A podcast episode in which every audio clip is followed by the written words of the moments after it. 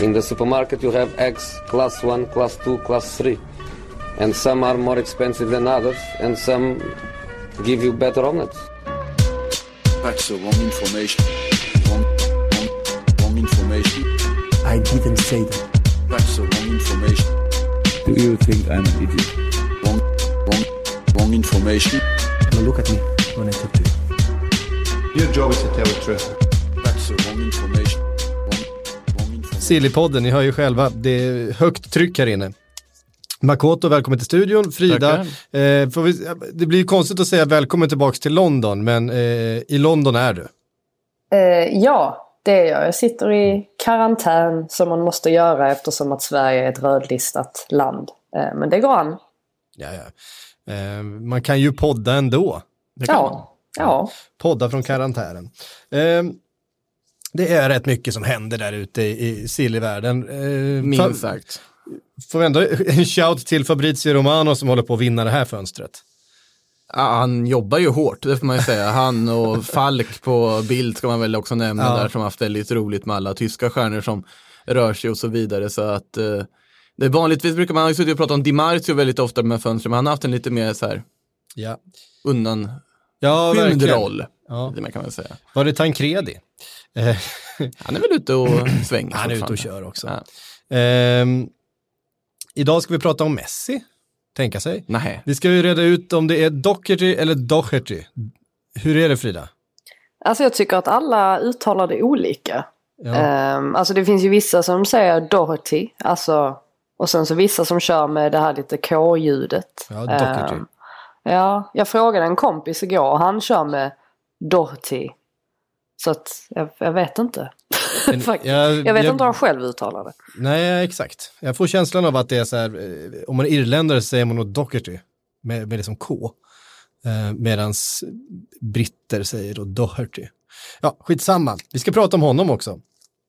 Men eh, vi, eh, ditt krav för att vara med idag Frida var ju att vi skulle prata lika mycket om Doherty som vi pratar om Lionel Messi.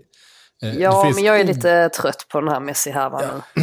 Vi måste Den är bara, du vara trött på. Messi-härvan? Den är ju, det har ju liksom, hela fönstret har Nej, blivit nej, nej, svinintressantare. Nu, nu, nu, nu är jag över det. Nu, nu sitter jag och väntar på presentationen. Vänta på besked från-. Ja, precis. Ja, men jag håller lite med, får man säga.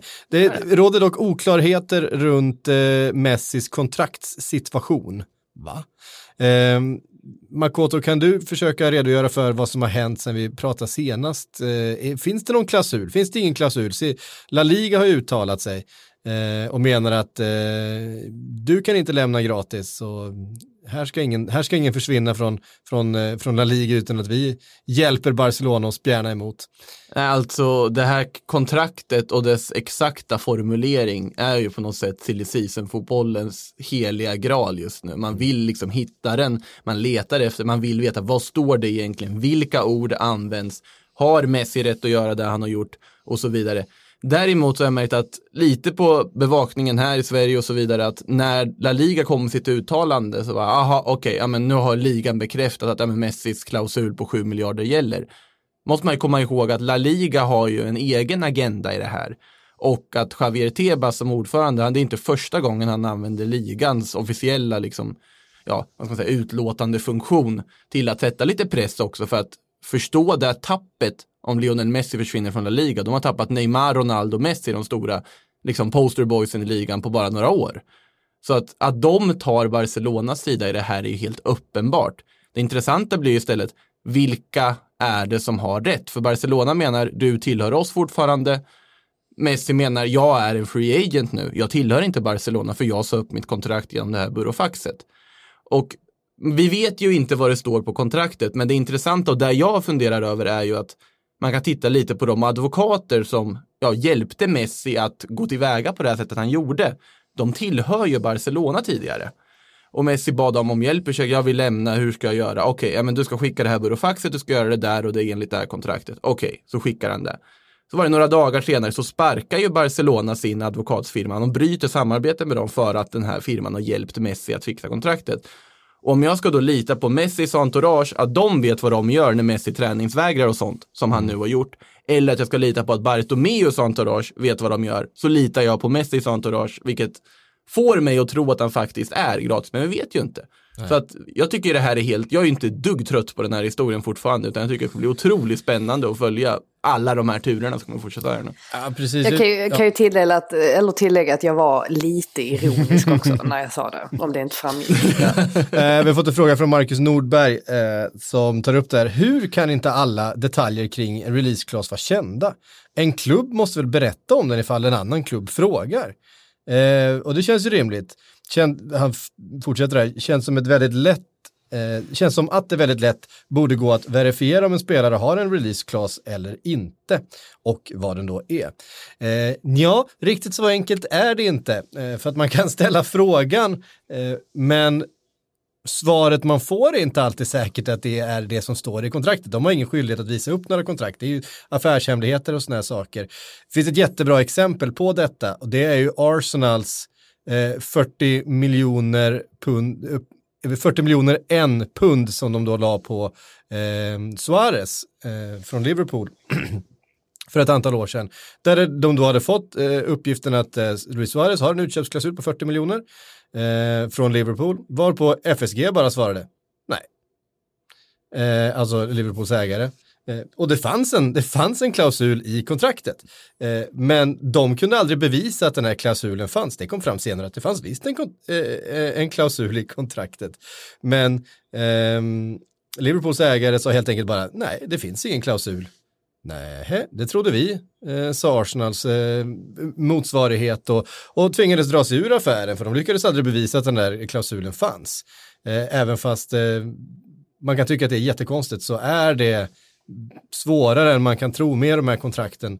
Och med, det, vet, det, är- det är advokater fram och tillbaks och det är, det är snårigt skrivet och det är, eh, ja, jag, jag är inte jurist så att jag kan inte gå in på hur det är, men eh, det är inte så enkelt som att man bara ringer upp någon och så får man korrekt besked eller att det där kontraktet kan skickas runt hur som helst och att alla får se på det. Eh, det är betydligt omständigare än så. Eh, och just nu så verkar det helt enkelt vara, här har vi två parter som sitter med varsitt ex av kontraktet och läser det på olika sätt. Eh, bara en sån sak. Och då är ju frågan hur det formulerat. Har det formulerats utifrån ett datum så är det en sak, då har ju Barcelona rätt. Har det formulerats utifrån när säsongen tar slut så måste man ju definiera hur mycket påverkar coronasituationen där och liksom den sista matchen som har spelats och så vidare. Så det finns ju alla för- möjliga aspekter i det. Ja, och förmodligen så finns båda formuleringarna med. Sannolikt. Sa- Sannolikt finns båda formuleringarna med. Det står eh, det datumet när säsongen är slut. Eh, all, typ ungefär, skulle, om man får gissa, så står det säkert eh, tio dagar efter att säsongen är slut, det vill säga den sista maj.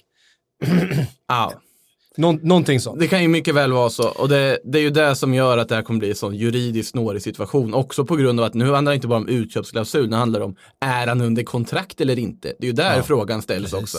Sen om man säger så här att låt oss säga att han skulle vara under kontrakt men utköpsklausulen på 7 miljarder inte gäller och han inte har en utköpsklausul så är det ju, har jag sett flera som frågat det här om att men i Spanien måste du väl ha en utköpsklausul enligt lag? Ja, alltså det måste finnas en klausul, men om det inte finns det i kontraktet så blir det då en domstol som avgör vad den skäliga klausulen ligger på. Och det kommer inte bli 7 miljarder. Nej. Så, och det är, det är väl alla möjliga parametrar man använder för att då bedöma det. Så säg de här spelarna som Atletic Club då har signat upp på livstidsavtal utan klausul, typ Iker Muniain. Om de plötsligt skulle få för sig att lämna, då kommer deras klausul att sättas av en domstol. Så det är ju väldigt spanskt, alltihopa. Eh, verkligen. Och det man ska då eh, lägga till till det här, att det här kontraktet som då det handlar om, eh, det skrevs då för tre år sedan. Eh, vad det verkar, och i det kontraktet så verkar det vara ett 3 plus 1. Vilket innebär att de är i den här brytpunkten då, är det, fyra, är det ett år kvar på kontraktet eller är det faktiskt inget kontrakt? Alltså, ehm, Och det är så definierande för Bartomeus regim i Barcelona om de har missat att det är ett optionsår och att han faktiskt går gratis. Det är på något sätt otroligt definierande för hela det förfall som har pågått i den klubben. eh, ja, eh, rörigt är det. Men, ja, det är eh, kul. Det är så roligt. Alltså, det, det är, eh, alltså såklart man lider med Barcelona-supportrarna som tvingas gå igenom det här på något sätt, men de behöver nästan också se nästan det tragikomiska i alltihopa. Eh, det är en sån otroligt underlig sits, otroligt konstig situation som den klubben har försatt sig i verkligen. Mm. Vi kan väl slänga in då före vi, vi lämnar Messi, för det har egentligen inte hänt så mycket mer eh, än så, mer än att det har dykt upp fler spekulationer kring vad som står i det där kontraktet och att, eh, eh, ja helt enkelt att ligan har eh, gått ut och, och tagit Barcelonas parti, parti i det här. Det är ju inte så att ligan kan bestämma vad som står i kontraktet heller. Eh, Nej men det är ju, det är ju som jag sa, ren alltså, PR och att man försöker att hålla kvar Messi i ligan. Ja, för att de har redan förlorat Neymar, de har redan, och, och Cristiano är borta. Ja. Och skulle man tappa Messi också, Vem, vem ska de ha som posterboy? Karim Benzema? Joao Felix, Ramos? Alltså, det, Alexander Isak. ah, det, det hoppas vi på, tycker jag. Ja, eh, men vi slänger in då, eh, bara för att vi inte bara ska prata eh, kontrakt och klausuler. Eh, Robin Nilsson undrar potentiell startelva för City med Messi och hur mycket ångest ger den psyk? Eh, ger mig ingen ångest alls. Eh, det är lite grann som att spela med, med, med fusk på ett tv-spel.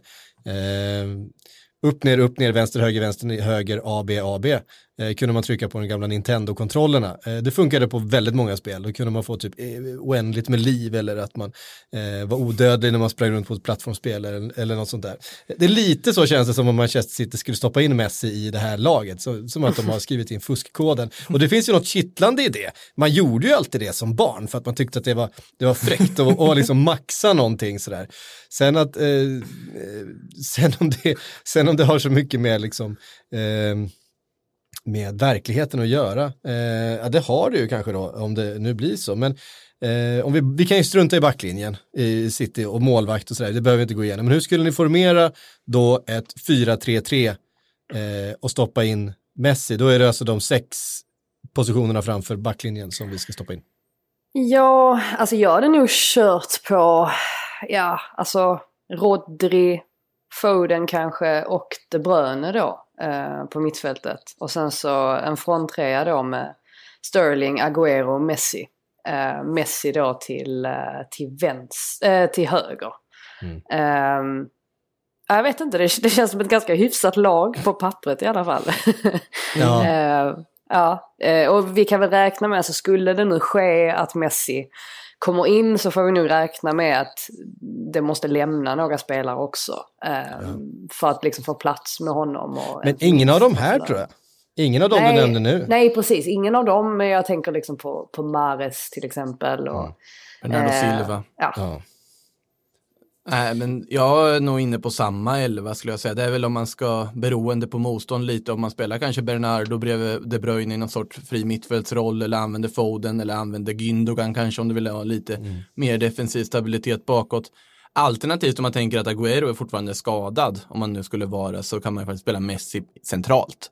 Och sen ha Mares och Sterling på kanterna tror jag också hade kunnat funka. Men det finns ju oändligt med möjligheter och Messi skulle ju kunna hantera både att spela, ta den där högerpositionen eller att spela centralt. Eller Guardiola skulle säkert kunna spela som wingback, men man vet inte.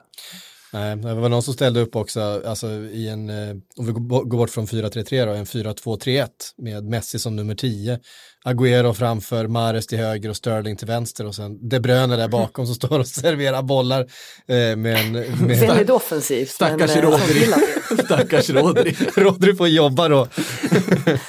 men, eh, men de kommer göra mål det laget i alla fall, det kan man vara rätt säker på. De kommer ha boll. Ja, och det är väl lite så också för att ehm, jag tänkte på det nu när ehm, man eh, fullbordade allt arbete här till eh, Premier League-bibeln som släpps så småningom. Så det är klart att jag fortfarande håller Liverpool som favoriter. Men skulle det vara så att Manchester City signar Messi ehm, helt plötsligt så sitter man ju i en, i en helt annan Ja. eh, Ja. utgångssits. Ehm, och det är frågan om inte jag hade reviderat mitt tips då. eh, och faktiskt puttat upp City. Um, för så pass stor skillnad kan vi ju se honom göra i, i matcher. Och det finns ju ingenting som pekar på att han inte skulle göra samma saker i, i Premier League.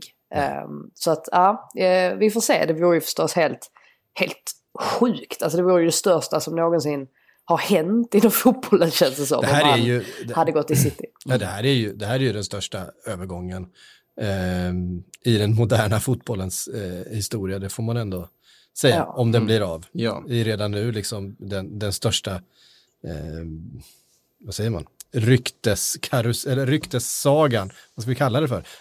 Ehm, Men man, om man ska sätta plusbetyg på honom om man skulle ha hunnit med in i Premier League, då skulle jag bara satt fyra plus väl. Alltså, han är ju oprövad i PL ändå. Ja, men jag driver, jag driver, jag driver. Han har ju, ändå, han har ju inte visat sig på liksom Nej, den han- nivån tidigare, så att han är ändå Åh, jag, bara, jag bara väntar till första liksom, eh, engelska fotbollsgubben liksom kommer. Han säger att han är oprövad i Premier League. Bara, har ni sett honom spela eller? Men han går ändå in på Han fyra Han är en plus. bra truppspelare. Ja, bra komplement. Ja, han gjorde, gjorde bara hattrick mot Liverpool eh, säsongen de vann, eh, vann Champions om man League. ska utgå från det han har gjort mot engelskt motstånd i Europaspel och sånt, då kommer han göra 50-60 mål den här säsongen. Alltså om man skulle spela. Ja, alltså, det som, ris, risken är det skulle, som skulle kunna hända är att, att man ser engelska defensiva mittfältare eller mittbackar få någon slags panik och bara så här eh, sparka sönder honom. Alltså så här, att, han blir all, att, han, att det blir fel. Ja, fast det där, det där argumentet har man hört också ofta om att ja, men i England så kommer de sparka ner honom. Tro mig, de kan vara ganska cyniska och sparka ner folk Ja, i Spanien på ett helt annat sätt ab- också. absolut, det är Ja, det är, ju- ganska, grejen också med Messi är att han är ju väldigt svår att sparka ner. alltså, Exakt, det är inte ja, bara exakt. att Det är ganska många som har punktmarkera försökt. honom. Det, det går ju inte att punktmarkera honom i princip. Alltså väldigt ofta går det inte i alla fall. Ja, nej. Han- har vevat runt i det där sydamerikanska VM-kvalet några varv också. Och det, Ja, det, där- det, är inte, det läggs inte många fingrar emellan när du möter eh, Peru borta på, i Lima eller någonting. Det, då smäller det. säger Nej, det, är- det, är ju, ja, det är nog det hårdaste, den hårdaste fotbollen som spelas i Nej, det, världen. är, det är ju den underbaraste fotboll som spelas skulle jag säga, den sydamerikanska. Underbart. Ja, nej, men han är ju argentinare så att eh, det brukar ju vara de värsta. Det, det värst, det, den värsta nationaliteten när det kommer till att spela brutalt. Det, det måste ju ändå vara något som, som argentinarna har, eller? Ja men det jag tror jag det är en sydamerikansk grej också i allmänhet tror jag. Men, Inte den brasilianska. ja, för det finns ganska tuffa Finns, brassar. finns det man några tuffa brassar, men, ja, men alltså, man, Brasilianska mittbackar kan ju, alltså nu kanske de här mest kända, typ Thiago Silva och David Luiz inte riktigt kända för det, men om man tittar på vissa andra typer av brasilianska försvarsspelare, jag tänker ju på Felipe Melo var väl defensiv mittfältare, men det finns väl inte ett större svin på en fotbollsplan om vi säger så. nej, eh, så kan det vara. Vi, eh, ja, eh, Barcelona, det är ju inte, de försöker hålla fast i Messi såklart. Eh, däremot finns det några spelare i truppen de inte försöker hålla fast utan blir av med. Eh, Rakitic uppges eh, klar då för hemflytt till Sevilla. Eh, hem och hem, men det var där han hämtades från till, Precis. till eh, Barcelona en gång i tiden. Vidal ska ges bort gratis. Sägs det ja. kopplas till Inter. Eh, och Igen. Det är ju klart att eh, där känner de ju honom. Eh, och då på free, free transfer. Och det här är ju två stycken spelare som man ser absolut kommer lämna. Ja, de kommer ju lämna och det är ju fler som kommer lämna också. Man undrar ju vilket lag de har tänkt att ställa upp med riktigt. Det finns väl vissa spelare som jag nämnt tidigare som känns som solklara att de försöker få in. Erik Garcia i försvaret, Vinaldum började pratas lite mer om också. Särskilt nu när Donny van de Beek som vi kommer in på sen har ju en annan destination som i princip verkar vara klar. Eh, och sen så har det pratats om spelare som Memphis Depay och så vidare också framåt. Lite sån här flashback till Barcelona 2002 ändå. När man höll på att åka ur nästan innan man sparkade tränaren och tog in Rijkaard och så vidare och allt gick fullkomligt åt helvete. Då de plockade in alla dessa holländska spelare också, Overmars och allt vad det var.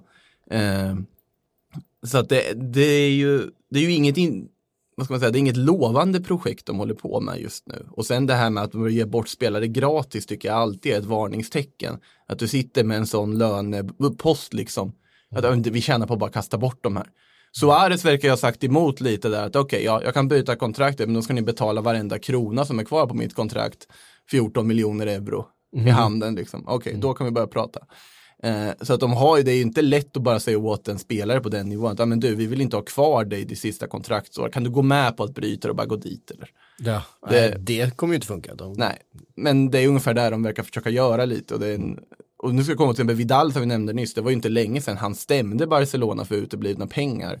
Och det var när han hade kontrakt och de inte tänkte kasta bort honom. Nej.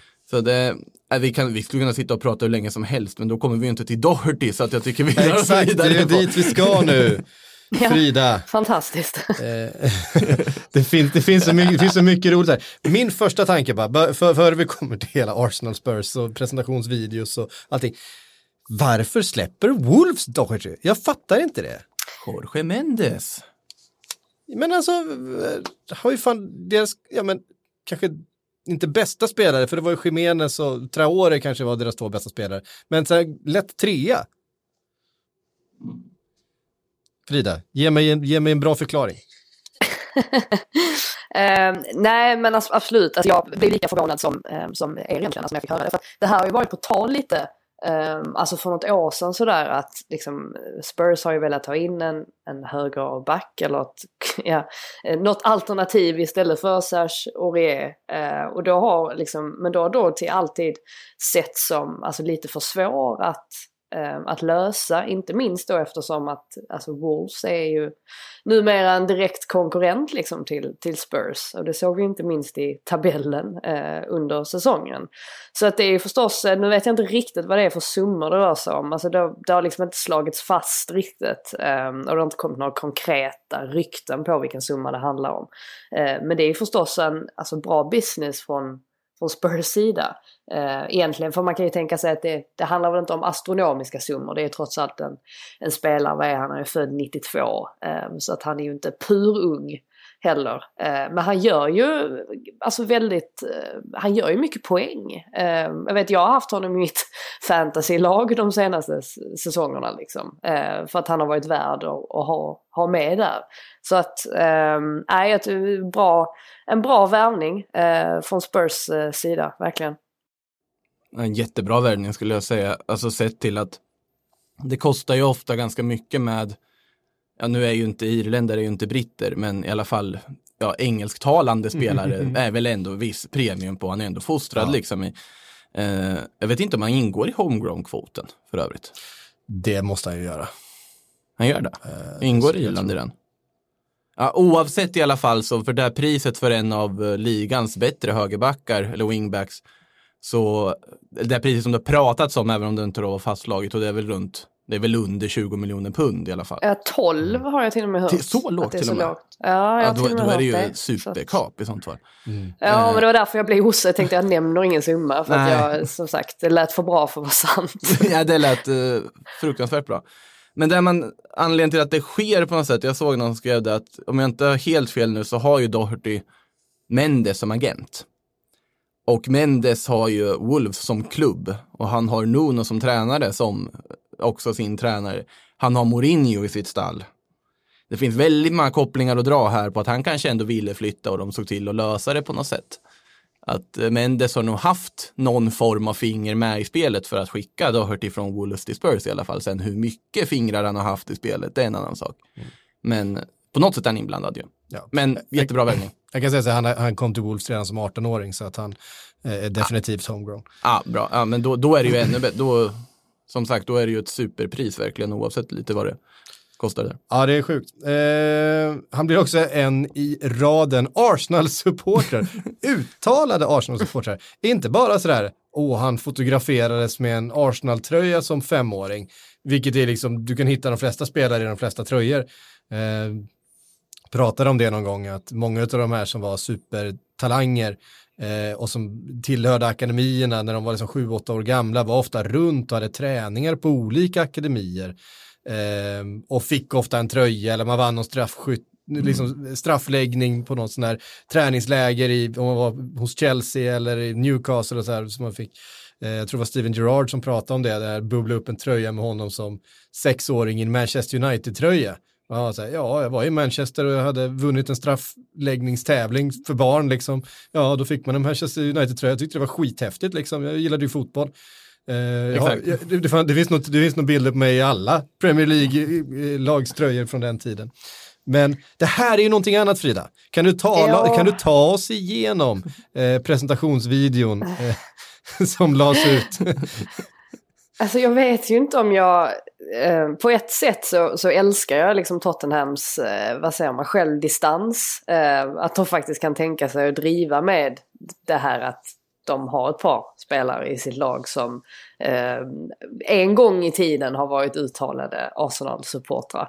Eh, och ja, eh, men, men så är det ju eh, rätt mycket. Men att de då liksom, eh, alltså att hela presentationsvideon kretsar kring att då till att han sitter liksom och kollar igenom gamla tweets och hittar en där det står typ I love Arsenal forever and ever and ever. och sen så trycker han på delete. Och jag menar hans det allra, alltså gud, alltså jag kan inte sluta skratta nu. Men det allra, det allra bästa, det allra bästa med den presentationsvideon, det är ju hans lilla, alltså när han ska se ut som, som den här emojin. Minen där, de zoomar in. Och det är, så, det är så jävla dåligt. Och jag menar, jag, som sagt jag kan förstå varför, varför jag kan förstå varför det här liksom retar gallfeber på Spurs supportrar på ett sätt. För jag menar, man behöver kanske inte vältra sig ännu mer i det faktumet att han har en liten koppling där till, till Arsenal. Men för, för alla oss andra så är det ju förstås det är ju ganska, det är ju ganska kul. Det är ju Han oerhört han, underhållande. han verkar ju ha självdistans också uppenbarligen. Mm, ja. Annars hade han ju inte gått med på detta. Men har ni sett något mindre sincere när han ska liksom klappa klubbmärket på slutet? Han missar ju klubbmärket, han klappar under. Liksom. det är liksom, det är så, alltså det är så mycket bra. Vet, har ni sett den här gamla intervjun han gjorde med Wolves? När han berättar om Nej. sitt supporterskap, alltså med Wolves TV som han gjorde för några år sedan. okej. Han berättar om sitt supporterskap till, till Arsenal och hur han växte upp och du vet, han alltid hade tröjan och det var liksom hans idoler och det var liksom, ja, hans dröm var alltid att spela för Arsenal en gång i tiden. ehm, Ja. Och så vidare. Och den, den videon har ju då också fått ny luft eh, förstås. Ehm, Alltså han, till, till hans försvar så är han ju, nu är han ju ganska, han är ju väldigt nära The Emirates i alla fall. Alltså det är samma, samma sida om stan. Så han, kom, han kom nästan hela vägen fram. Han, han, han spelar, spelar matcher i Tottenham på helgen sen liksom, fan, ja, Arsenal spelar annan dag idag, kan jag gå och kolla på dem liksom. ja, precis. Nej, men eh, jag tycker att jag, Jag har sett att videon har fått massa kritik och sånt också, men jag tycker att det är en sån underbar självdistans i det. Alltså, och att man måste ju få driva med saker, man måste ju få skratta lite. Och att man också på något sätt tar koll på att man vet om att det här kommer bli en grej. Så, men vi gör en grej av det då. Mm. Det kommer ju ändå bli en grej oavsett. Så jag tycker den är, den är helt Jo, underbar. men samtidigt så det är alltid lätt att, att, tycka så när man inte håller på. Ja, så är det, så är Alltså det jag, och jag, för jag tycker man har varit i den situationen där, där man inte alls tycker vissa saker är kul när det handlar om sitt, sitt eget lag. Eh, så att jag, jag kan ha förståelse om, Mm. om vissa spursare kanske blir lite, lite irriterade på det Vi, här. vi, vi, vi, kan väl bara, vi kan väl lyssna lite på hur det lät när han intervjuades av eh, Wolves egen, egen, eh, eget mediateam för, jag vet inte när det är. Eh, men han ser ut att vara, det kan inte varit så, så många säsonger sedan. I used to get every Arsenal kit at Christmas. Um, I used to have his name on the back of it. But the day before it used to be Christmas, I used to go into the tree and just act as if I was moving presents, but I'd rip it a bit just to see if it was my Arsenal kit. Um, and without fail, I guess uh, they got me the kit every year, so that's probably about it. They must look and see why, why are all your presents open or ripped? Nobody else's are. Ja, det där var alltså Matt Doherty som pratade om eh, hur han alltid fick ett Arsenal-kit i julklapp varje år och varför, och det var det han längtade mest efter och han hade alltid Bergkamp på ryggen. Vilket man kan förstå, älskar Bergkamp. Julafton som barn ändå, det var några grejer alltså. Herregud. Ja, eh, det är fantastiskt. Eh, ska vi röra oss Du vidare hade därifrån? ju kunnat göra en jättebra segway här ju från, eftersom du inte avslutar med Bergkamp, då hade du ju kunnat gå till van de Beek egentligen. Ja, det får ju bli, det får ju bli den eh, kopplingen. Ehm, för eh, Donny van de Beek eh, ska vi till. Eh, håller väl på att göra sin eh, läkarundersökning typ just nu Ja. i Manchester. så. Ja, eller alltså antingen gjort eller ska göra eller håller på. Den, den sker ju någonstans i den här, Ja. ja vad ska man säga, någonstans under det här dygnet verkar det ju som i alla fall. Ja. Utan att veta. Och det verkar väl vara, det blir vanligare och vanligare här också att man inte gör eh, sin läkarundersökning kanske på träningsanläggningen som man eh, alltid gjorde förr då. Då kom alltid de där bilderna när eh, spelaren var på väg in. Eh, nu coronatider och resor och, och karantäner och allt vad som eh, finns så eh, man kan ju faktiskt göra en läkarundersökning typ vart som helst i världen. Eh, man behöver eh, Kia Jurabcans hus kan man göra en presentationsvideo när man har en annan klubb. Men Exakt. Eh, Donny van der Beek i alla fall eh, uppges stå klar för Manchester United, kan bli officiellt när som helst. Frida, vad, eh, det finns många som har ifrågasatt om det här verkligen är där eh, United behöver förstärka. Han är ju en eh, liksom tvåvägs mittfältare ungefär i samma eh, mold som Pogba och eh, Bruno Fernandes. Eh, vart ska han spela egentligen? Vad säger du? Jo, nej men eh, absolut. Alltså det, det var väl det, det första man tänkte kanske. Å andra sidan så utan, alltså vi har ju sett det liksom utan Bruno, alltså speciellt Bruno Fernandes, eh, men även Pogba, så, så har det ju, alltså det, United har ju inte haft sådär jättebra backups eh, bakom där. Eh, alltså Fred har vi ju pratat om jättemycket eh, den senaste säsongen och vi vet om att han liksom kan briljera ibland eller alltså glimta till. Eh, men att han också har en del svagheter och Mc- McTominay som kanske inte, nu har han en liten annan roll men som kanske inte heller liksom har steppat upp riktigt på det sättet som vi hade trott. Så att på det sättet så tycker jag att det här är väldigt smart business från Uniteds sida. Eh, och att det är en ganska överkomlig summa också. Vad blev det? 40 miljoner euro eller någonting sånt är det väl som det har Mm. snackats om. Ja. Ehm, s- så att jag tycker snarare att det är smart av United att klippa honom för att det är ju en spelare som, visst det pratades väldigt mycket om honom eh, i samband med deras framgångar där i, i eh, Champions League. Men sen dess har ju egentligen snacket ehm, alltså minskat betydligt. Det var väl på gång att han skulle till typ Real Madrid, Mm. alltså innan pandemin bröt ut. Men det har ju gjort att marknaden som vi vet, redan vet, alltså att den har blivit lite mer stängd och att då klubbar som har pengar, alltså exempelvis då United som har det ganska gott ställt, eh, att de istället kan kliva in och, och ta chansen och, och klippa den typen av spelare som man inte kanske hade kunnat i annat fall. Så att, eh, jag tycker det är en smart eh, business. Just det där med, med Bergkamp-kopplingen är ju givetvis att han är ju tillsammans med Bergkamps dotter. Eh, vilket jag inte visste faktiskt. Eh, men eh, jäklar vilka fina gener deras barn kommer få. Eh, eh, så att ja, ehm, nej det, det är väl egentligen min, min första. Jag, jag blev lite, eller det här har man ju inte sett så mycket om. Um, att han skulle vara på gång till United. Alltså inte vad jag har sett det i alla fall. Så att uh, det var en liten överraskning ändå. Mm. Eh, jag skrev det faktiskt på Twitter också att jag tycker att det här verkligen är att eh, adressera den största bristen i Manchester Uniteds trupp. Eh, om jag ska vara riktigt ärlig. Det är klart att det finns, de behöver ha en bättre vänsterback. De behöver kanske en till eh, mittback, eh, vilket vi också kommer till eh, snart. Det finns nya rykten. Eh, Men vi vet att startelvan är bra. Vi har sett startelvan leverera och vara riktigt bra. Eh, problemet är att vi ska spela, de ska spela fotboll var tredje dag. I, stor, I snitt kommer det vara fotboll var tredje dag, liksom de närmsta åtta månaderna. Eh, Bruno Fernandes och Pogba kommer inte klara av att spela alla de matcherna. Det måste Nej, och, roteras. det, och det såg vi också faktiskt. Alltså i slutet av Ja, och säsongen de såg och trötta i ut. Europa League. Ja. Ehm, att de var ganska trötta. Att Fernandes gjorde lite fler tekniska misstag och Mm. slog några passningar fel. Um, fler än vad vi har liksom sett alltså när han Ja. var på sin topp. Så det är ju uppenbart att han inte kommer liksom orka. Det kommer ju bli en, en väldigt lång säsong dessutom nu ju på något sätt. Alltså Ja. de har ju inte fått sånt mycket break och sen så kommer man ju spela ända fram till EM. Sen så är det EM. Så att, ja det kommer ju bli... Så precis som du säger så måste man ju liksom avlasta eh, de spelarna också.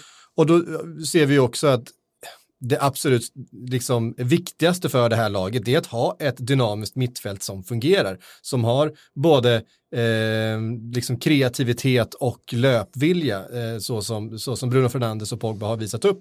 Eh, och där saknas ju verkligen kvaliteten där bakom. Om det mittfältet inte funkar, säg att man måste vila en eller kanske två av dem rent utav om det börjar komma skador och så vidare. Eh, då kommer det få större påverkan på prestationen den här säsongen än om man ser till att få in en vänsterback också, alltså en, en bättre vänsterback, tror jag. Det tror, jag tror att det här är den absolut viktigaste punkten för Manchester United just nu. Och det har de löst genom att ta in en jättebra eh, spelare. Nu har de tre stycken spelare på de här två positionerna kan man säga. Eh, så tror jag man ska se det och det är precis vad man behöver ha den här säsongen. Eh, och precis vad Manchester United behöver ha. Det är ju befriande att se också, alltså Uniteds värvningar de har gjort under Solskjaer väldigt ofta varit att det har pratats om dem i hundra år. Men ska det bli något bud, man budar hit och dit, sen till slut blir det av för ganska högt pris. Här har man snarare bara sett, okej nu har vi faktiskt ett läge att plocka honom, vi har ändå kopplats lite fram och tillbaka med van de Beek och dött ut och så vidare. Men att nu man bara, bara slår till, det går ju gått så fort det här. Och att man då, precis som ni säger, adresserar en sån. Sen är ju frågan hur, alltså van de Beek måste ju veta om själv att när han kommer till United nu, han ska användas liksom i någon sorts rotationsroll. För att om de har tänkt att värva honom för att typ ersätta Matic, då är de ju helt fel ute och det hoppas jag inte att de har tänkt göra. Nej, det tror inte jag. Nej, Eh, precis. Så att det måste ju vara att man roterar honom och använder honom tillsammans med Pogba och Bruno och van de Beek är också en så pass Hans st- främsta styrka är att han är så smart. Han är smart med löpningar, han öppnar ytor för andra och så vidare. Och på så sätt, han är ju en lagspelare verkligen. En spelare som gör andra spelare runt omkring sig bättre. Och på så sätt så, jag tycker också det är en kanonvärvning för det här priset att göra i det här läget.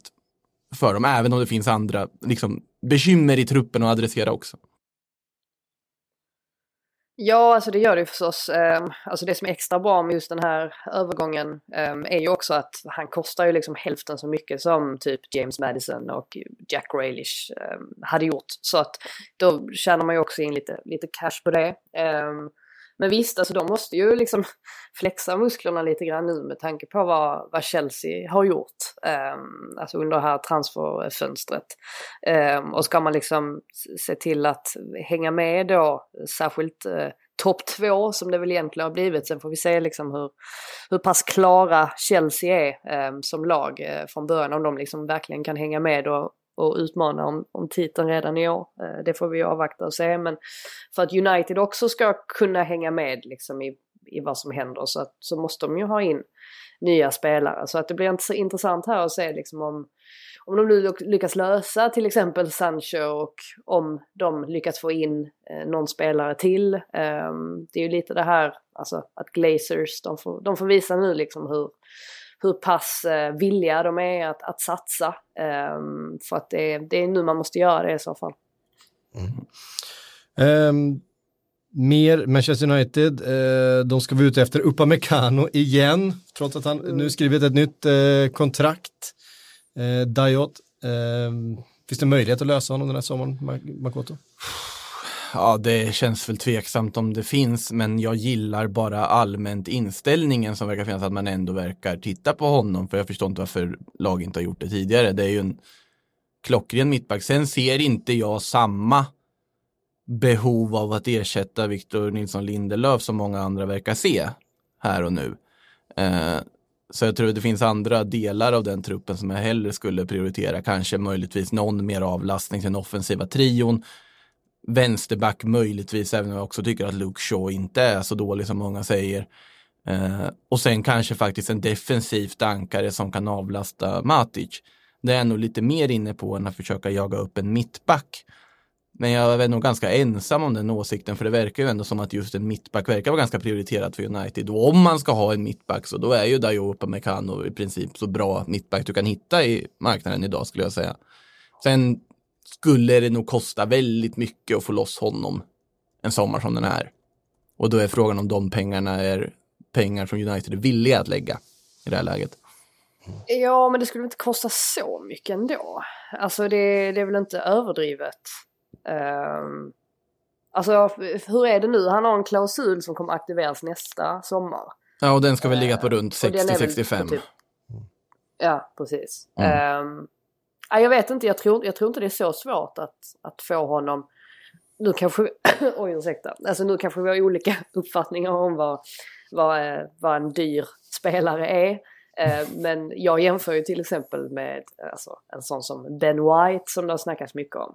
Jag tror ju definitivt man kan få ihop vad man kan för en billigare peng eh, än vad man kan få honom. Och det är såklart, det har ju att göra med påbråt eller det engelska påbråt och sådär givetvis. Men eh, jag tror inte det behöver bli så fasligt dyrt ändå att lösa Upamecano. Sen är det klart så måste man ju, alltså de kan ju inte komma med ett skambud heller. Eh, det finns ju ingen anledning. Men eh, nej, jag är också lite förvånad över att det inte har snackats ännu mer om Upamecano. Mm. Eh, alltså med tanke på vad, vad vi liksom har sett under säsongen och inte minst då i, i Champions League när han var hur bra som helst. Så att, eh, eh jag, sen det här med försvaret eh, och Lindelöf och sådär. Eh, alltså jag tycker ju också givetvis att Lindelöf, ibland får han skit när han inte ska ha det riktigt. Eh, speciellt här borta. Alltså de är ju väldigt snabba på att ge honom skulden så fort det är något mål de släpper in eller sådär. Men samtidigt så har ju inte försvaret fungerat till 100 procent. Um, så att någonting uh, måste kanske göras ändå. Um, och då är det kanske att uh, liksom Lindelöf måste flytta på sig. För, för att, ja men jag menar, Maguire kommer de aldrig flytta på. Uh, och Maguire uppe med Kano, vem vet? Alltså de, det är kanske ett mycket bättre mm. uh, mittbackspar än, än Maguire-Lindelöf. Så att jag har ändå full förståelse för varför man tittar på en mittback. Det har ju varit liksom en, en svag punkt under säsongen. Jag måste ju fråga hur högt du värderar Ben White. Vad du tror han skulle gå för? Nej men så det handlar ju inte om vad jag värderar honom men, men om man tänker så här, Brighton har ingen anledning att sälja honom för det mm. första. Så att, att de skulle släppa honom, då måste ju en klubb, alltså då kommer de ju släppa dem, äh, honom till en till en annan Premier League-klubb. Det är väl klart att de skulle se till att få så mycket betalt som möjligt. Ja. Just eftersom att de inte har något behov av att sälja. Det är sådana grejer man får väga in också. Um, så där hade vi nog snackat liksom ja, um, jag vågar liksom kanske inte gissa så men mm. alltså, definitivt över en halv miljard liksom. Det tror jag. Ja, eh, mittbackar har vi varit inne på. Det är eh, bristvara och framförallt de här riktigt, riktigt bra som kan hantera den här eh, allt mer komplexa mittbacksrollen eh, där man ska vara man ska vara stor och man ska vara stark och man ska stå, kunna stå med en hög linje och man ska kunna slå 60 meters passningar fram och tillbaks. Och... Stoppa väsktjuvar. ja, det ska, då har vi ju en i alla fall. Exakt. Eh, som ja. uppfyller kraven. Um, Arsenal Eh, håller på att eh, ta in Ceballos på ett nytt lån, detta enligt då eh, Romano. Eh, det blir inget köp den här gången heller, eh, väl? Uh, nu ska vi se, det var en väldigt bra fråga. Jag vet inte helt hundra koll. För, för, mig, för mig på att det är ett nytt lån eh, på gång. Ja, det har ju varit i alla fall så att Arsenal har hört av sig till Ceballos. Eller vem, vem pratar du om? Danny Ceballos pratar vi om. Ja, det, det är ett lån. Ja. ah, tack, bra. tack för att du är med. Jag sitter här och, och sover. Nej, men se Segwayen började ju nästan låta lite Gabriel, men han kan väl säga att han kommer väl förr eller senare till Arsenal. Ja. När du pratar, börjar prata mittbackar och grejer, tänkte jag på. Ja, just det. Ja, ja. Men Ceballos fall så ska ju då, om man ska tro uppgifterna då, att Ceballos ska ha sagt nej flera gånger till Arsenal, men jag är inte intresserad. Och sen ska Arteta på något sätt lyckats övertala Ceballos, men kom hit och lira en säsong till då. Ja, men okej då, jag gör väl det. Lite så, det känns ja. väl bra för alla parter kan jag tycka, en sån lösning. Mm. Ja, eh, de behöver honom. Arsenal behöver verkligen, alltså ja. inne i mitt fält. Nu var ju, ska vi säga att Mohamed El Neni dök upp från ingenstans i helgen. Fy fan, jag hade glömt honom. Ja, han har eh, helt glömt honom. Jag, fick, eh, jag som satt lite där med spelarbetyg och sånt till eh, PL-bibeln fick ju snabbt rafsa ihop det. El Neni är ju fortfarande in the game liksom. Rafsa ihop några plus på honom och, och så. Men, nej men han gjorde det bra också mot Liverpool, ska jag tillägga. Det var riktigt bra. Och det verkar ändå som Arteta ändå alltså ser ett behov eller vet du, en sätt att använda Ld9 och kanske räkna med att ha honom i truppen nästa säsong. För innermittfältare behöver de ju. Eh, men de behöver ju också fler innermittfältare. Så att Dani Ceballos, att få tillbaka honom kändes ju som någonting Arsenal verkligen behövde prioritera. Och att de lyckas lösa det är ju jätteviktigt för han behövs där. De behöver ha innermittfältare. Ja, eh, helt klart. Eh, City Frida, de är inte bara mm. ute på jakt efter Messi. Eh, uppges vara överens då enligt France Football med Koulibaly. Äntligen Koulibaly. sker det. du har väntat. Äntligen. Ja, och då, då menar jag inte äntligen att åh, City får honom, utan mer liksom wow, äntligen lämnar han Neapel. alltså det trodde man ju aldrig skulle ske eh, med tanke Nej. på vad han har sagt eh, utåt. Eh, men eh, ja, skulle det vara så att City lyckas plocka honom så är det bara att säga grattis. Eh, det är, det är fler klubbar eh, som hade velat ha in Som- en sån som han. Som har försökt, om man säger så. Det är ju det. Eh, ja, på tal om, på tal om mittbackar eh, som uppfyller alla krav. Eh, helt enkelt en av de få. Eh, ja, det är väl bara att eh, inse att eh, Nathan Ake eh, kommer få sitta lite bänk eh, om det här blir av. Eh, men det som vi varit inne på, det, den här säsongen så kommer alla få sin speltid. Det kan man vara rätt säker på. Alla ska med, alla behövs. Alla, ska, ja, alla kommer behövas. Och Ja. Det blir ju, och det har varit mycket snack om det här, ju, att det, det, det gynnar ju storklubbarna, st storlagen det här såklart, för de har mycket bredare Mm. trupper. Det. De kan ju ställa upp med en hel bänk full med potentiella startspelare. Det kan ju inte småklubbarna göra. Ehm, på samma sätt, de kommer Mm. behöva liksom ha juniorer på bänken och kommer behöva ha eh, budgetspelare på bänken för, för utfyllnad. De platserna kommer betyda eh, ännu mycket mer den här säsongen än normalt.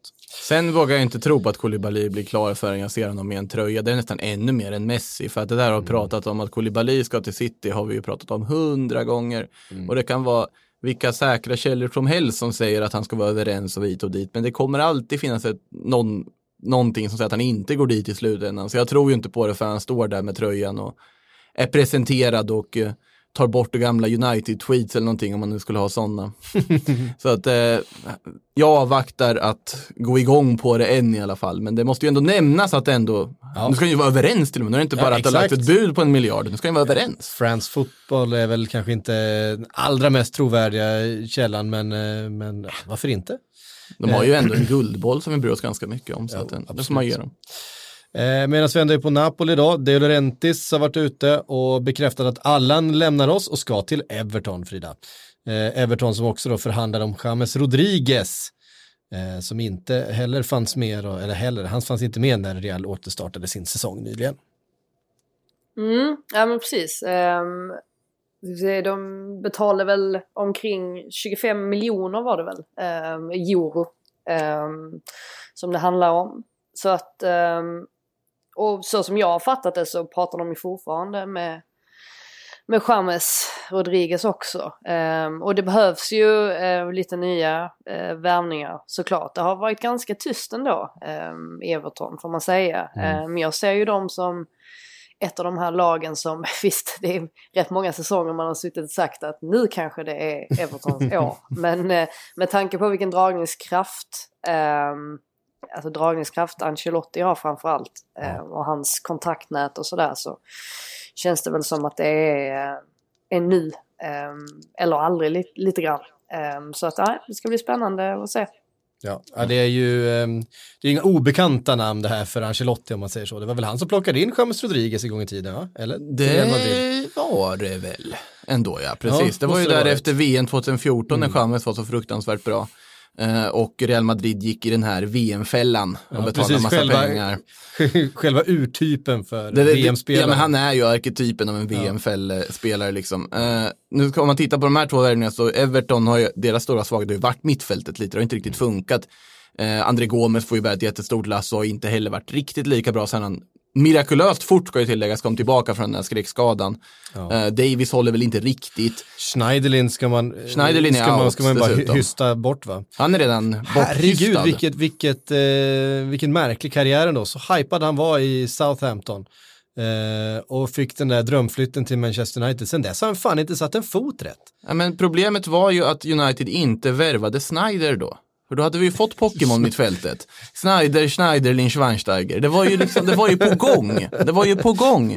Eh, men det vart ju... Ja, och sen, sen får man ju säga också att alltså, Everton gjorde ju väldigt många värvningar där kring den tidpunkten som inte har fallit riktigt väl ut. Alltså som Sigurdsson till exempel. Man Mm. kan ju knappt fatta om, att de la så mycket pengar på honom. Eh, med tanke Och på då dessutom. Ja, precis. Men då med tanke på hur han har, har sett ut. Så att, um, och sen så har man ju, har ju lidit ganska mycket av att tappa Gay. Alltså jag, jag minns att jag tänkte i alla fall att när de värvade eh, Fabian Delf så, så tänkte jag att ja, men det kanske blir eh, det kanske är en bra värvning liksom. Alltså han kanske kan kliva in och mm, alltså liksom skolad under eh, Guardiola och så att det ändå kan bli bra. Men det har liksom inte, det har, ja precis, det har inte fallit väl ut. Så att det är ju främst där de har ehm, försökt uppgradera. Eh, för i övrigt om man liksom tittar framåt och sånt, alltså högre upp i banan så har de ju, alltså har de ju bra alternativ. Och, alltså, Richarlison, eh, Calvert Lewin, det samarbetet har ju fungerat väldigt, väldigt bra. Um, så att ehm, det, är ju, det är faktiskt en, får man bara till mittfältet så är det ju faktiskt en, en väldigt bra startelva som, som Everton har, alltså på många positioner. Ja, de behöver väl ha in en ytter också skulle väl jag säga. Eh, sen är ju problemet för Everton är just det där fönstret med Sigurdsson och så vidare där de spenderade över två miljarder som i princip majoriteten av dem kastar de bara rakt i sjön. Eh, på helt felrekryterade spelare och så vidare. Eh, det var ju därför Marcel Brands kom in som sportchef därefter för att något rädda upp det. Eh, de värvningar jag pratar om nu är ju spelare som verkligen hade hjälpt. Allan är ju fantastiskt duktig mittfältare, det måste vara att han inte var samma höga nivå förra säsongen. James Rodriguez, ja det är ju, frågan är ju hur bra James Rodriguez egentligen är. Han har ju spelat i Real Madrid, Bayern München och så vidare efter den här flytten då från, nu ska vi se, visst var det Porto han gick från, står det helt still i huvudet. Ja. Nej, det var väl Monaco en sväng där också. Ja, nu, du, glöm det. I alla fall, efter han gick i, från VM till Real Madrid kan vi säga, så är det ju så att han har inte gjort jättemånga bra säsonger. Sen är det ju Vem en... pratar du om? Chamez? Chamez ja. Ja, ja, han gick från Monaco. Ja, precis, det var det, den här Monaco-delen som jag hade glömt bort. Ja. Men han har ju inte gjort jättemånga bra säsonger egentligen och då är frågan, vad, vilken är egentligen James Rodriguez riktiga nivå? Är han en sån här spelare som man njuter av att titta på ibland som kan göra snygga saker eller är han en spelare på absolut världsklass egentligen? Eller hade han bara otrolig jackpot när det kommer till kontrakt och eh, klubbsituation efter VM? Eh, det får han ju visa lite nu i Everton när han kommer till en annan miljö, men det är en typ av spelare de verkligen behöver få in, som där, dessutom skulle kunna hantera någon sån här inverterad ytterroll i ett 4-4-2 som Ancelotti ändå gillar att använda kreativa spelare i att han inte nödvändigtvis behöver ha speedkulor ute på kanterna, att han kanske har en spelfördelare på någon av kanterna som får lite mer friare roll och kanske ger plats för antingen Dinier eller John Joe Kenny eller Coleman, vem det nu kan vara, och spatsera fram på ytterbackarna istället.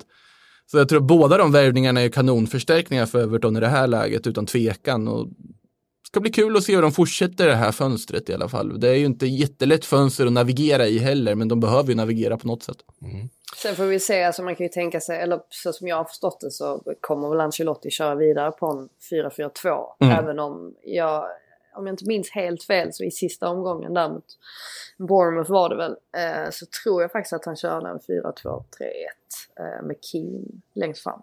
Eh, men eh, vi, alltså vi kan väl utgå ifrån att det kommer bli en 4-4-2 Mm.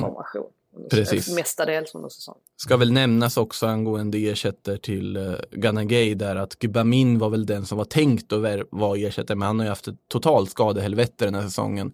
Så man får ju se också om han någonsin blir helt frisk och liksom spelklar och får chansen i Everton hur bra han skulle kunna vara egentligen. För han har varit väldigt duktig i Bundesliga då innan flytten till Everton. För vi eh, går på frågor, vi har fått in i bänken mycket frågor, vi kommer hinna med ett par stycken i alla fall, så måste vi till Milan. Tonali! För, ja, men ja, Zlatan. Ja, i och för sig, i och för sig Zlatan också. Ja, Zlat- Zlatan förläng- skrivit på ett nytt ettårskontrakt va?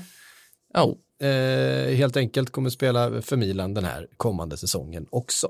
Eh, det, är vi, det är vi glada för, för nu eh, har, han, har han klämt sig in på den där topp 10 målskyttar genom alla tider i eh, officiella matcher. Eh, han låg på elfte plats nämligen inför eh, coronauppstarten. Jag tror han hade åtta mål eller något där upp till tionde platsen och sen bara ytterligare ett par till till nionde platsen.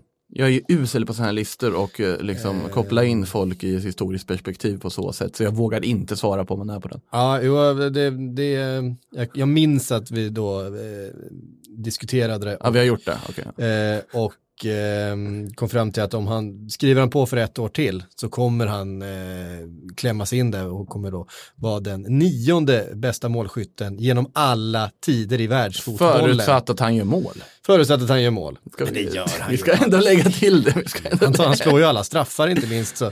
Förutsatt Eh, att nå- Milan får en straff. Nej, men eh, naturligt. Det, allting tyder på att han kliver in, kan man väl säga. Men det är ju det är ju Zlatan, han gör ju alltid mål.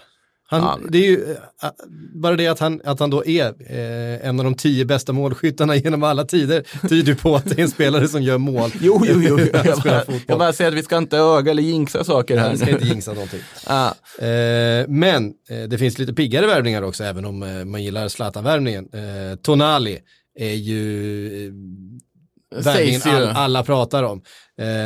Eh, ryktas vara väldigt nära. Ja, eh, det ryktas ju att det är liksom klart i princip att han ska till Milan och det är ju en otrolig, ja, otrolig seger, alltså silly season seger för Milan med tanke på vilken ja, otrolig talang det är, hur heter det, upphausad han har varit. Förvånad att Juventus inte gett sig in mer än vad de gjort, men det ska ju varit Inter då, som i princip hade honom klar. Men Milan då går in och norpar honom. Det talar ju för att ändå Tonali också kanske ser en plats för honom på det här mittfältet. Han ser ett projekt som är på väg att formas i det här laget. Eh, det är ju en värvning av den typen som man, Milan inte lyckats göra på väldigt länge skulle jag säga. Minns en sommar sen så letar man runt i Empoli som hade åkt ur efter nya mittfältare. Nu vart ju Ismael Benazer en kanonvärvning ska tilläggas. Men ändå, det var den hyllan man handlade från. Tonali, ja, ja Brescia har ju åkt ur i för sig, eller de är i botten också. Så att det, det är väl lite samma där, men Tonali är ju en annan typ av talang. Det pratas väl om ett lån, om jag har förstått det rätt, till en början med någon sorts köpoption där som kommer aktiveras. Eh, men det är en superintressant spelare och sen pratas det också om Brahim Diaz på lån från Real Madrid med en köpoption. En ung talang som inte riktigt hittat rätt i Real Madrid-tröjan men har visat väldigt mycket lovande tendenser och sånt också. Gick ifrån City då, eh, Precis. samtidigt som, eh, som Sancho gick till Dortmund. Och de hade väl just då någonstans ungefär samma status, bara att Brahim Diaz har inte lyckats slå sig in i, Real Madrids startelva. Eh, vilket inte är så lätt. Eh, på samma sätt som Sancho gjorde sig till stjärna i Tyskland. Sancho gick väl lite tidigare va? Eh, På tal om, eh, till på tal om Tonali så det är ganska sjukt att tänka att, att han var, vad var han, typ 11 år när Milan vann scudetton senast och att Zlatan spelade i laget då. Ja, det är ju- sjukt. Alltså, ja, nej, ja, det är fint. Ehm, även Aurier eh, ryktas då från, eh, från Tottenham eh, Till Milan.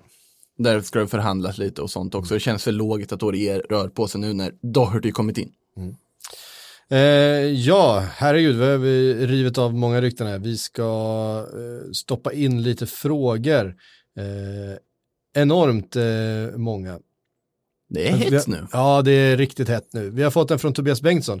Liverpools miserabla ekonomi, vart tar alla pengar vägen? Och om andra kan handla men inte de. Ehm, nej, det, Liverpool har inte speciellt dålig ekonomi. Eh, det, är inte, det, är inte det, det är inte där skon klämmer. Eh, däremot så har de en, eh, en strategi som bygger på att eh, ehm, man ska bygga för lång sikt, man ska eh, satsa på eh, det ungt och man ska satsa på utvecklingsbart. Eh, man köper inte för, man spenderar inte för sakens skull utan man spenderar alltid på, på projekt som ska utvecklas och projekt som ska eh, liksom bära frukt längre fram. Eh, jag tror att han tänker på Thiago. som Kanske han- även Timo Werner. Eh, kanske även Timo Werner. Nej men det som, eh, det som eh, helt enkelt det handlar om är att, att eh, de har en försiktig approach till, till transfermarknaden. Eh, och nu när, när intäkter har blivit lite mer osäkra så har man valt, alltså de har en ganska bra trupp redan. Det finns inte jättemånga positioner att, att hitta en spelare för bra priser som kan gå in och förstärka utan att det eh, antingen eh, ruckar för mycket på lönestrukturen som i Thiagos fall, eh, som jag tror är verkligen där skon klämmer. Jag tror inte att det är de 30 miljonerna egentligen. Ehm, när det kommer till, eh, till, till Werner så vet vi inte riktigt eh, hur det var. Det var helt enkelt att de i slutändan inte tyckte att eh, det var ett bra läge att plocka in honom. Ehm, eventuellt var det så att eh, de hade en försäljning med, för en av eh, de tre där fram eh, på gång eh, som inte blev av. Jag vet inte. Eh, men det, Ja, det, väl det handlar inte om att Liverpool inte inte har pengar. Nej, och det, alltså det största problemet för Liverpools del är väl egentligen att alltså de, de har ju så väldigt svårt att sälja spelare som typ alltså Grujic och Wilson och ja, Shakiri. Alltså svårt att hitta köpare eh, åt den typen av spelare under, den här, under det här fönstret. Vilket gör att alltså då lyckas man ju liksom inte frigöra platser heller Nej. till nya spelare. Alltså det, det är ju en del, del av problemet i alla fall. Eh, nej, precis. Det, det är också en del utav, utav det hela. Eh, så att eh, pengar finns det, eh, men eh, eh, de hittar inte projekten att satsa på. Det sägs ju att eh, Klopp i alla fall har identifierat hur de ska använda Thiago. Ja. Och jag tror säkert att, att, att Klopp vill eh, ha in Thiago. Mm. Det, det tycker jag man har kunnat läsa eh, mellan raderna på alla de här eh, ganska trovärdiga uppgifterna då från eh, framförallt eh, Christian Falk eh, Och- i, i Tyskland. Det sägs ju att han vill slösa bort Thiagos kvalitet också på att spela honom framför en dubbelpivote med Henderson och Fabinho. Thiago ska ju ligga i knät på sitt eget försvar och hämta boll och styra allt. Han ska inte ligga där framme och hålla på och veva. Det, Ja, vi, vi märker. det, det, det, det, den, den insikten tror jag inte någon journalist har. Nej, men det, var ju, det var ju han, eh, breaka Neymar och Messi, Marcelo Beckler som var ute och sa det att Klopp har redan identifierat att han ska spela Thiago. Och det var ju sån. Okej. sån.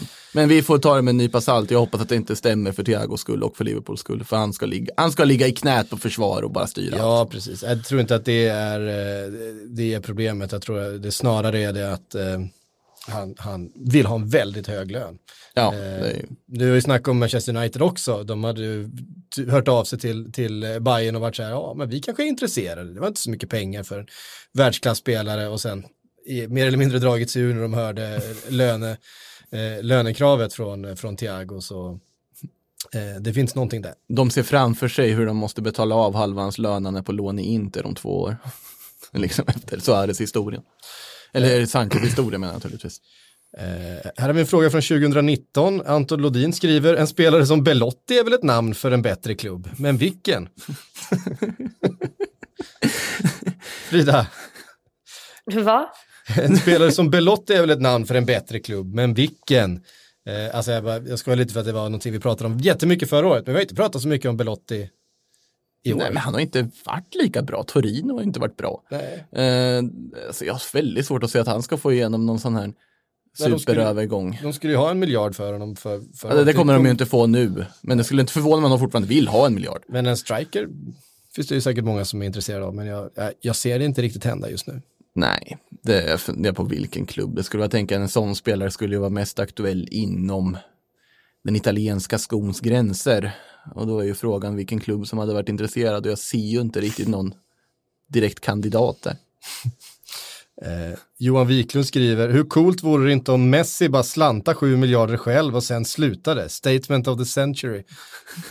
ja, det, det, det, det eh, ska du inte eh, betta huset på att han kommer göra.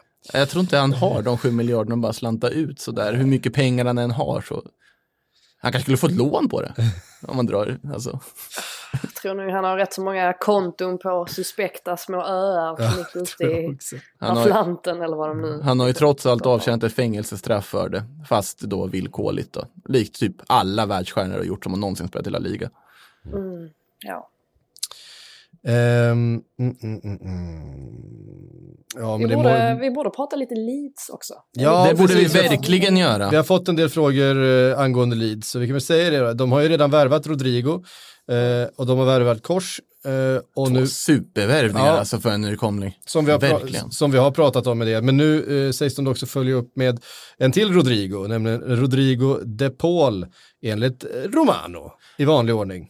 Ja, det hade ju blivit den dyraste värvningen genom tiderna för dem, vilket Rodrigo blev när han plockades in nu. Eh, alltså Rod- Spanien, Rodrigo, Rodrigo Moreno då. Eh, Rodrigo de Paul, argentinaren, duktig Serie A-spelare. Eh, skulle nog ändå, med tanke på att Pablo Hernandez är ju inte jätteung. Han har ju redan behövt roteras ganska mycket där när de spelade i somras och så vidare. Och få in en ny offensiv mittfältskraft där hade varit ganska intressant att se och jag tror att det är en spelare som Bielsa gärna skulle få in också. Sen är frågan, det är ju det är imponerande av en nykomling att kunna gå in och värva den här typen av spelare. Vi pratar alltså Rodrigo var inte jättebra förra säsongen i Valencia, men det var ingen i Valencia. Men det är fortfarande en spansk landslagsanfallare som för ett år sedan kostade dubbelt så mycket, ryktades till Barcelona och Atletico. Och nu ska han in och ersätta Bamford i Leeds. Det är en klassvärvning. Ja, verkligen. Och de, de var ju förvånade själva också, Leeds, att de ens fick till den här eh, övergången. Mm. Eh, ska ju ha eh, väldigt mycket att göra med alltså, le- själva ledningen. Alltså, det är ju en klubb som eh, idag faktiskt eh, är, är väldigt eh, välstyrd. Eh, det, det var inte så många år sedan som Leeds inte var det, men det, saker och ting har verkligen förbättrats på, på den fronten. Och sen så eh, är det till liksom 80 procent av vad jag liksom har, har, har sett att det har med Bielsa att göra. Eh, och att Bielsa liksom tog kontakt personligen med Rodrigo också och pratade igenom vilken, vilken typ av roll han skulle få i laget och, och allt sånt där. Ehm, så där ser man ju också alltså, vilken otrolig dragningskraft eh, en tränare kan ha. Ehm, och det är säkert så att alltså, många som liksom, ser Leeds som ett attraktivt alternativ det har säkert att göra med Bielsa. Eh, han har dock inte tagit, eh, av det liksom jag har sett och hört, så har han inte tagit kontakt med något av de andra nyförvärven utan det var just specifikt Rodrigo. Och det visar ju också eh, att det var oerhört viktigt för dem att liksom verkligen göra allt i sin makt för att den här övergången skulle bli av. Ehm, så att, ehm, nej, alltså positivt för Leeds för att det är ju lite det där med Kommer de liksom bli ett nytt Fulham eller Aston Villa som värvar för stora pengar och sen så blir det inte bra? Alltså skillnaden i det här fallet är ju att de verkar lägga lite mer pengar eh, på lite färre spelare. Eh, vilket gör att de kanske inte bryter upp laget på samma sätt som alltså Aston Villa och Fulham gjorde. Att det kom in så pass många nya spelare att de inte riktigt hade tid att, att eh, spela ihop sig. Eh, I det här fallet så kommer liksom fortfarande, alltså Bielsas grundsystem var detsamma. Eh, det är bara det att det kommer in liksom några eller ett fåtal nya spelare. Så att eh, förhoppningsvis för Leeds del så eh, kommer det funka väl när säsongen drar igång. Det är ganska tufft att inleda mot Liverpool dock. Det blir liksom eh, ett, ganska hårt test omgående. Ja, alltså det, det jag känner med, med det öppningsmötet är att jag börjar känna det gamla hatet mot Leeds igen. jag, hade glömt, jag hade glömt det, men nu när det är bara en tio, tio dagar bort så, fan kom då. Alltså, må- måste ju nämnas också här, vi pratar mycket Rodrigo, men Robin Koch också, det är en tysk landslagsback. En tysk landslagsmittback man har plockat in och för, alltså, struntsumma i sammanhanget från Freiburg som gjort det jättebra där. Det är en supervärvning där också som man ersätter Ben White och de behövde ju verkligen få en mittback där också. Det där känns som en kanonförstärkning. Det jag lite undrar över, jag vet inte om du har hört någonting Frida, hur är det med Bielsas kontrakt? Alltså för han har väl inget kontrakt än? Alltså för den här säsongen?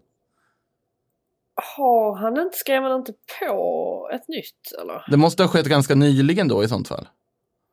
Ja, eller om det bara var att jag såg att eh, de var liksom confident. Ja, men det- det har de varit. I att, de skulle, eller i att han skulle förnya sitt kontrakt. Precis. Eh, Ett tvåårigt eh, var det väl ett snack om. Det kanske inte är officiellt än. Ja, det är ju ändå ganska intressant då att han är och pratar med Rodrigo och kör, sköter träningar tio dagar till match. Liksom. Han har egentligen inget kontrakt. Det, det är fint. Ja, det är, det är ganska farligt också med tanke på att det är Bielsa. Exakt, exakt, det kan ju, exakt. Det kan ju hända vad som helst. Han kanske känner liksom att ah, Premier League var inget för mig. Första matchen. Väskor drar liksom. Det här var Eh, inte vad jag trodde det var, Liverpool borta. Precis, vi får väl se. Ja, ehm, vi har fått som sagt eh, massa frågor. Vi kan ta den här. Magnus Henriksson skriver, Lucas de Vega ryktas från Barcelona B till Spurs för 2-4 miljoner euro, men sägs ha en utköpsklausul om 100 miljoner. Är det normalt med sådana gigantiska utköpsklausuler till unga spelare? Ja, alltså, eller kanske inte direkt på just Lucas de Vega utan att veta vilken potential han har. Men det är ju att man måste ha en, du sätter den för att inte råka ut för liksom att ja, någon plockar en spelare utan att du kan säga till någonting om det. Så de sätter ju astronomiska klausuler. Och särskilt efter fallet Neymar. För att där satte man ju en klausul på två miljarder, men det här kommer ingen kunna betala. Sen kom Paris och gjorde det. Och då var det lite om det ska jag också nämna som en, eh, om vi går tillbaka lite till hela Messi-historien så då var ju La Liga ute, när Neymar gick till Paris så var ju också La Liga ute så vi kommer inte ta emot era pengar. för den där klausulen, ni får inte köpa honom. Typ så, så att det finns ju en agenda i alla fall, det var det jag ville säga. Eh, men ja, de sätter väldigt höga klausuler, sen är det inte oftast de aktiveras i alla fall i sådana sammanhang på en sån spelare. Men det, de är ju där för att de måste vara där för att inte ska gå till en domstol. Då. Precis. Vi har inte sagt någonting om Kai Havertz i det här avsnittet insåg jag precis. Men vi har ju pratat så mycket om Kai Havertz de senaste avsnitten om att han snart är klar för Chelsea. Han är snart klar för Chelsea, eh, Kai Havertz. Har ni hört? Har ni hört något så galet? Ehm, så att eh, ja, det är väl bara, det är väl bara att välja valfritt avsnitt bakåt i tiden här så kan man få höra en diskussion om, Ka- om Kai Havertz. Eller liksom en ganska ouppdaterad scoutingrapport. Eller, eller lyssna på en scoutingrapport som vi gjorde redan i, i juni. Ehm, för nu kan man faktiskt, om man har iOS-appen, eh, Aftonbladets app, så ser man liksom nere i botten där, så finns det en liten ikon så det står lyssna. Där trycker man. Det visste Men hitta- jag. Men, det är hit, nej, helt, ju det- det är men, helt nytt, det är ingen som vet. men Eh, hittar man även de pluslåsta scoutingrapporterna månne? För Kai Havertz är den enda som är öppen för alla att lyssna på. Ja, även de pluslåsta eh, kommer dyka upp där idag. Ja, och det ska tilläggas att de gjordes för ganska länge sedan, ska tilläggas här nu av undertecknad och jag har inte hunnit göra fler i och med att man har haft lite annat för sig, men kanske man får ut någon mer innan fönstret stänger om man har tur. Det är en stökig säsong här också. Det finns bland annat för en Upamecano eh, som United-supportrar som inte följer den tyska ligan kan gå in och Han är på väg till Arsenal och har inte skrivit på ett nytt kontrakt i den scoutingrapporten, men ni kan ju höra om hur han är som spelare åtminstone. Ja, bara- Man ska, man ska vara transparent här, att Ja, exakt. de har gjort Ver-. Verkligen. Eh, jättebra, det är faktiskt allt vi hinner idag. Frida och Makoto, tack för att ni var med. Tack alla ni som har lyssnat. Eh, Sillypodden eh, dundrar på sen så kommer Premier League-podden igång här om inte allt för länge för nu Så det ju. brakar ju snart allt igång. Vi ska bara kämpa oss igenom en Nations League här och sen kommer ligorna igång. Alltså varför spelas den? Alltså allvarligt talat. Frågor vi aldrig kommer få svar på. Ja, mm. Ehm, men tusen tack för att ni har lyssnat i alla fall på återhörande.